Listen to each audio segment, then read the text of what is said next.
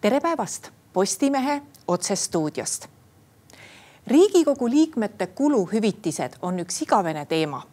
iga kord, kui keegi eriti nahaalse rahakasutusega hakkama saab, räägitakse sellest, et kuluhüvitiste süsteemi on tarvis muuta. siis läheb aga kõik meelest ära ja tegelikult ei muudeta mitte midagi. Meil on stuudios Riigikogu Keskerakonna fraktsiooni juht Tanel Kiik ja Eesti kahesaja fraktsiooni juht Toomas Uibo. tere teile mõlemale. tere, tere. tervist. no te olete ju eh, mõlemad ka ühel hetkel olnud eh, nii-öelda alustavad Riigikogu liikmed ja pidanud selgeks tegema endale need reeglid, eh, mismoodi Riigikogu liige siis käitub. kas nendest kuluhüvitistest, Tanel, on nii raske aru saada, et on seda võimatu mõista, mida või milleks sa kuluhüvitist kasutad ja milleks ei tohi kasutada? Mm, vastupidi, ma arvan, et enamik Riigikogu liikmeid ongi sellest väga ilusti ja selgelt aru saanud. olen ka oma fraktsioonikaaslastele alati öelnud, et kui tekib mingeid küsimusi, kas see on või ei ole nii-öelda korrektne, küsida kõigepealt fraktsiooni sekretäriaadi käest, vajadusel finantsosakonnalt ja need vastused alati saab. ja siis, kui sa oled eelnevalt noh, igaks juhuks kontrollinud, siis ei teki ka mingeid nii-öelda probleeme või, või muresid, mida pärast peaks kuskil ajakirjanduses lahkama no Toomas, kas fraktsiooni juht saab olla lõputult oma fraktsioonikaaslastele või erakonnakaaslastele selline klassijuhataja, kes nagu kogu aeg kontrollib, et, et kuhu sa kulutasid ja millised tšekid sa esitasid? no päris lõpuni ei saa, aga kindlasti äh, saab fraktsiooni juht alati kaaluda ka näiteks äh, lähetusi, et mida tehakse Eh, kuluhüvitistest, et, ähm, et sinna peab fraktsiooni juht andma siis nii-öelda oma rohelise tule. et, ähm, et see on kindlasti üks kaalumiskoht ja, ja, ja mida peab nagu siis silmas pidama no kui me tuleme nüüd äh, selle juurde, mida eile otsustas Riigikogu juhatus, siis äh, oodati seda, et Riigikogu juhatus võtaks mingi seisukoha, et mis me siis edasi teeme. Mhm. riigikogu juhatus võttis tõesti seisukoha, et me tegeleme asjaga. Tanel, kas juhatuselt eh, oleks olnud tarvis mingit selgemat sõnumit? noh, reaalsus on see, et eh, mida rohkem on fraktsioone Riigikogus, seda raskem on tegelikult ju siin kokku leppida. ehk eh, antud juhul fraktsioone on kuus varasemad koosseisud on tõestanud, et üldiselt suudetakse kokku leppida pigem sellistes väikestes otsustes, väikestes sammudes, niisuguseid märgilisi otsuseid, noh viimati tehti eelmise majanduskriisi ajal, kui siis tõesti neid kuluhüvitisi märkimisväärselt noh vähendati aga praeguses olukorras Riigikogu juhatus ka esindab küll noh, ütleme siis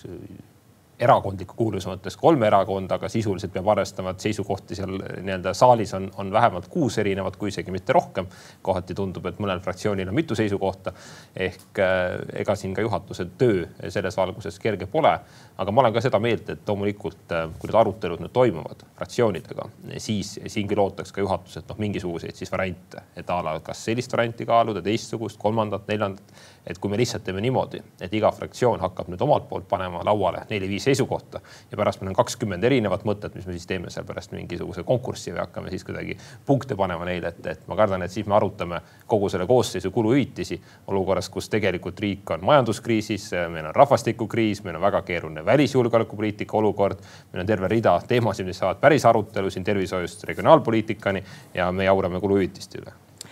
Toomas, millest lähtuvalt me saame või, või, või peaks Riigikogu üleüldse seda kuluhüvitiste süsteemi muutmist kaaluma? kas see algpositsioon võiks olla see, et kuluhüvitised, noh, seda raha ongi liiga palju, kui sa kõik ära kulutad ja nagu Tanel ütles, riik on kehvas seisukorras, et me peaksime ikkagi kärpima või see alu, aluspositsioon on see, et kuidas muuta nii, et keegi neid kuritarvitada ei saa, et milliselt pinnalt tuleks seda arutelu alustada või peab mõlemat vaatama? jah, ma olen Taneliga väga nõus, et äh, natukene isegi narr on olla sellise teemaga siin saates, et aga see on väga kahetsusväärne jah, et mõned Riigikogu liikmed äh, on, on andnud selleks äh, ainest. aga millest lähtuda, et noh võib-olla on oluline märkida seda, et kuluhüvitis ei ole palgalisa, kuluhüvitis on tegelikult majanduskulu. ja, ja noh, siin võib paralleeli tuua ka erasektoriga, kus tööandja, kui ta lähetab äh, oma töötajad, siis maksab loomulikult ka sõidukulud ja vajadusel ka elamiskulud et, et noh, põhimõtteliselt on tegemist samasuguse süsteemiga. Nüüd jah, vahe on selles, et see nii-öelda tööandja on täna, eks ole, valijad, Eesti, Eesti rahvas ja, ja noh kui me hakkame nüüd äh, reguleerima ja, ja igale reale siis kirjutama, mida võib teha ja mida ei või teha, noh siis on teisipidi jällegi ka äh,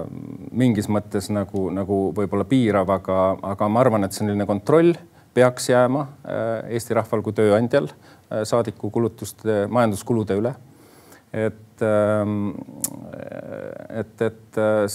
see on ka meie seisukoht äh, täna, et pigem vähendada äh, Äh, et, et olla solidaarne teiste siis kärbetega ja üldse sellise väga pingelise eelarvega, nagu me täna oleme, et. no Tanel, mida teie arvate, et siin neid vähendamise koguseid või protsente oli, on välja käidud mitmeid, et on räägitud sellest, et see ei peaks olema kolmkümmend protsenti Riigikogu liikme sissetulekust, see kuluhüvitiste osa, osakaalu suurus, vaid see võiks olla kakskümmend ja on räägitud sellest, et noh, on räägitud ka sellest, et selle tuleks üldse, see tuleks üldse ära kaotada ja on ka räägitud sellest, et see võiks olla noh, veel mingisugune teistsugune number. kui me nüüd vaatame seda, et seda küll kuluhüvitist ei pea ära kasutama, siis äh, mis on see ikka see mõistlik protsent, sest kui nüüd ühel hetkel tõesti kellelgi on mingi väga kallis välislähetus või, või tööülesanne ja ta ei saa seda täita, sest raha ei ole, see oleks ka kehvasti. -hmm. et mis Keskerakonna positsioon on? ja no siin neid ettepanekuid nii-öelda tehes ja, ja ka meediast lugedes, noh,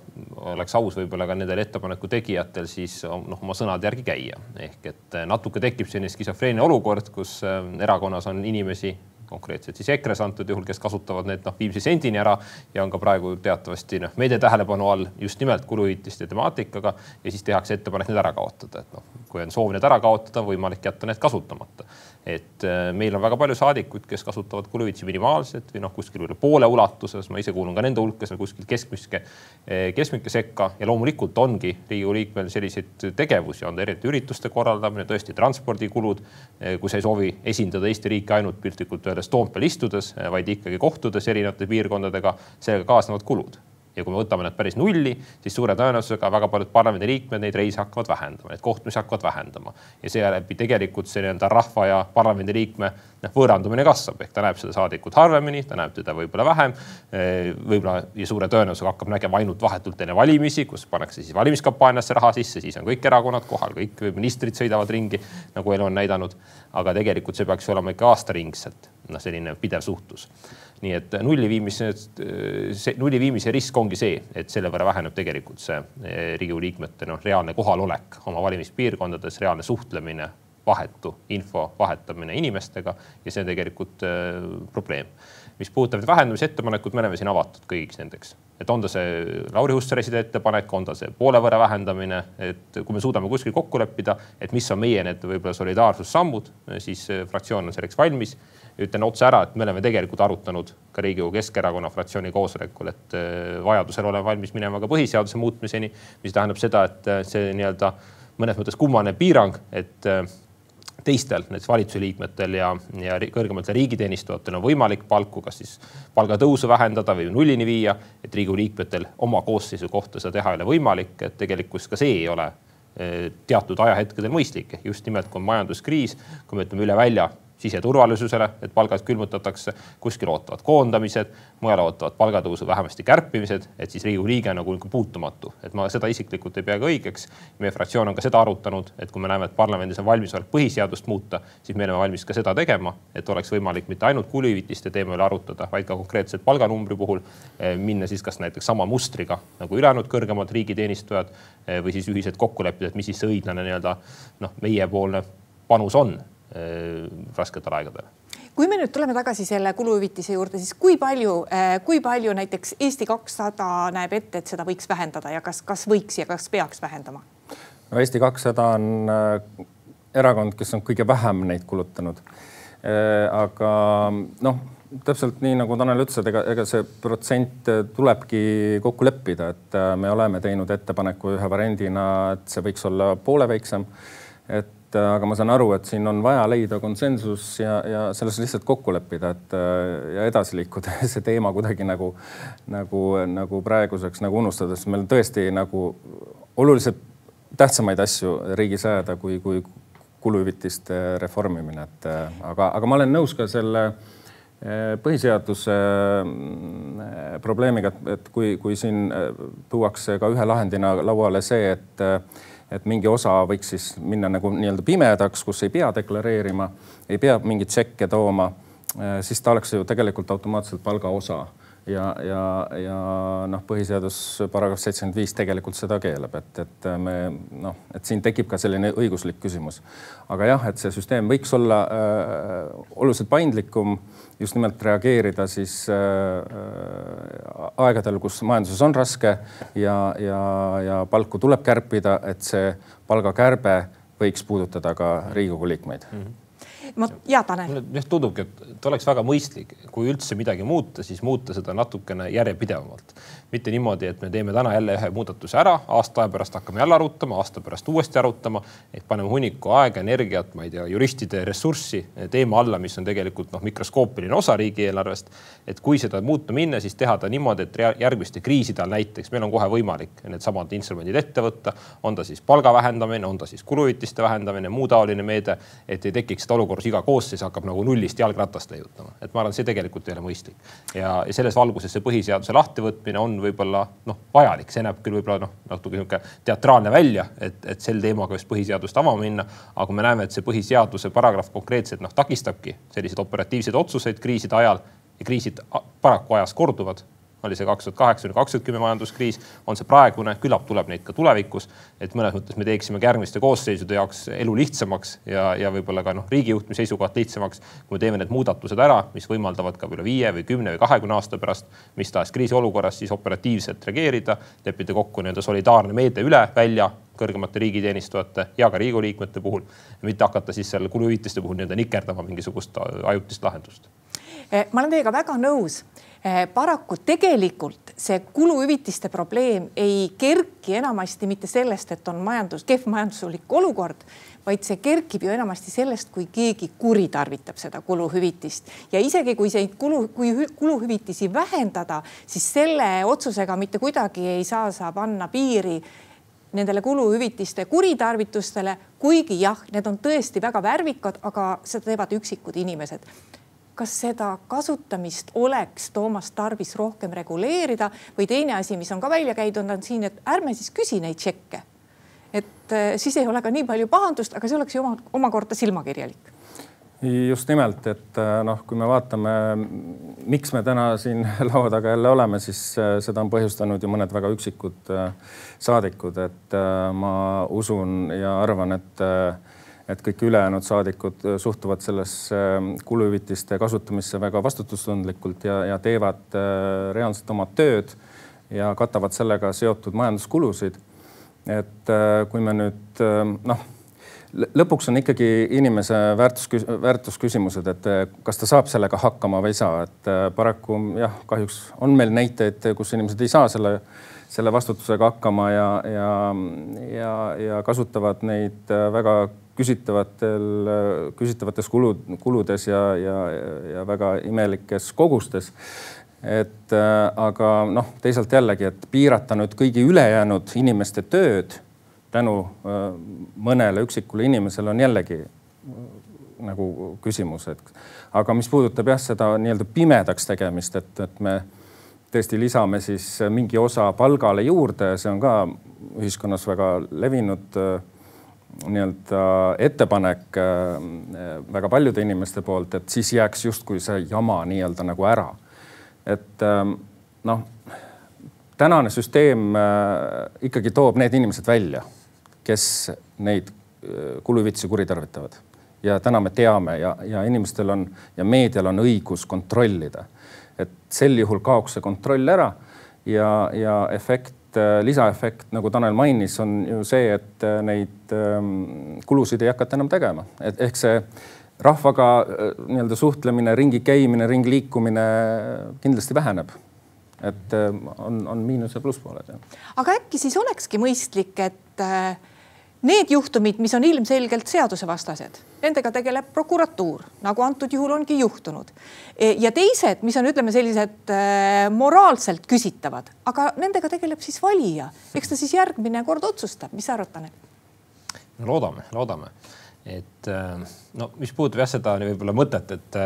et kuluhüvitis on natuke nagu sihuke, ma ei tea, kas siis hiirelõks või selline me meepott, et siis sa nagu saad aru, et, et noh, inimese nii-öelda moraalsest nagu palgest, et selle võrra, et kuidas ta nende kuluhüvitistega toimetama hakkab. ja see on selline intellektuaalselt nagu huvitav mõttearendus, aga noh, loomulikult selleks nad tegelikult ju mõeldud ei ole. ehk kuluhüvitised on mõeldud ikkagi tööga seotud kulude tegemiseks ja, ja võib öelda niimoodi, et et see kahju, mis ma arvan, sünnib nendest üksikutest kuritarvitamistest, ka sealhulgas läbi selle meediakajastuse, on tegelikult noh, märkimisväärselt nagu suurem kui see kasutegur, mis me saame. ehk äh, selleks, et saada aru, kas üks või teine Riigikogu liige on noh, nii-öelda Riigikogu liikme tööks nagu kõlbulik või sobilik, selle hinnaga kahjuks me praegu äh, saame suhteliselt suure mainekahju kogu Riigikogule ja mitte ainult, ma arvan, Riigikogule, vaid oleme ausad, see nii-öelda mainekahju noh, määritakse laiali kogu poliitika noh, valdkonnale. ehk piisab sul paarist-kolmest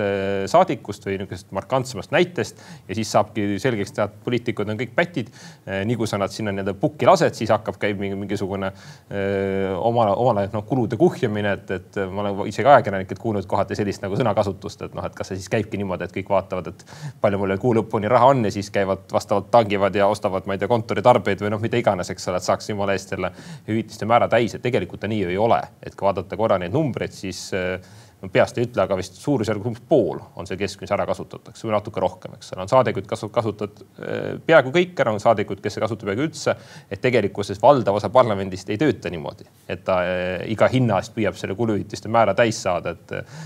ma ei tea siis mida iganes siis kokku ostes, et, et üldiselt olukord nagu ei ole nii hull, kui võib-olla selle üksikute näitel jääb noh mulje ja see ei ole süüdistus mitte nagu meediale, vaid see ongi tegelikult mõnes mõttes noh, nende konkreetsete kolleegide puhul Eh,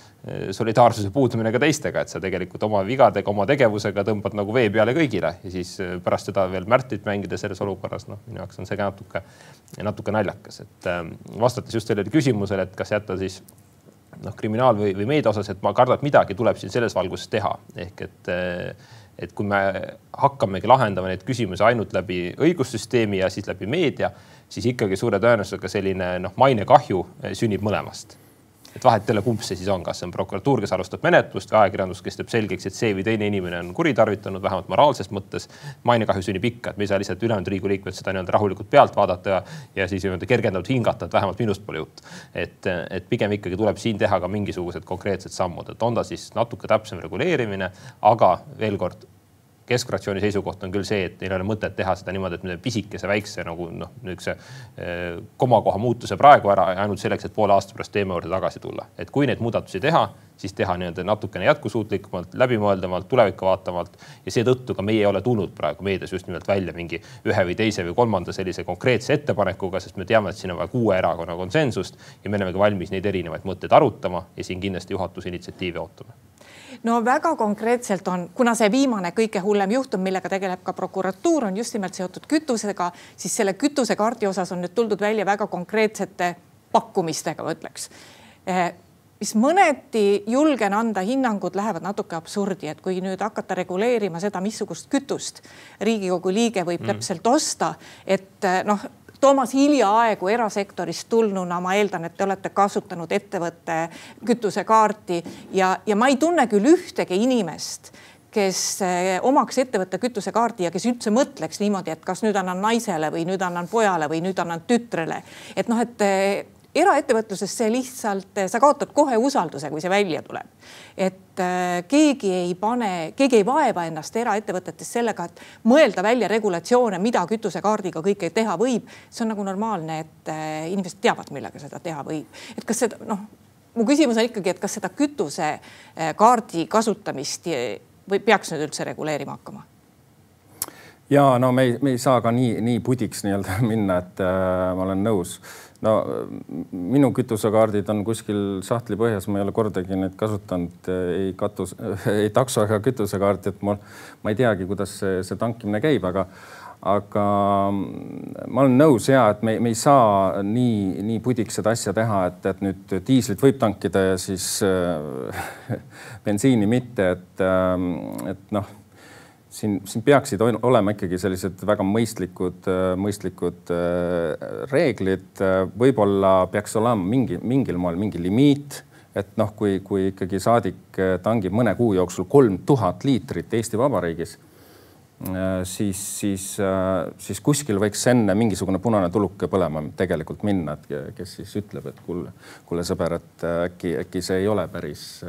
päris hea mõte kolm tuhat liitrit tankida, et aga noh, et noh, need on need väiksed kohad, mida kindlasti võiks, võiks üle käia. aga, aga ega lõpuni lõpuni me ei saa ju inimesi ümber kasvatada ja, ja näha nende sisse, mida, mida nad siis, mis nende väärtused nii-öelda on, et need tulevad paraku tšekkide kaudu välja mis te nüüd arvate, et kas sedapuhku siis mingil hetkel midagi muudetakse ja, ja mis ajal see muudatus ära otsustatakse, sest muidu on jälle nii, et noh, et eh, ajakirjanduses tulevad uued teemad peale ja ma arvan, et paari nädala pärast enam nende hüvitiste kohta ei küsi mitte keegi, et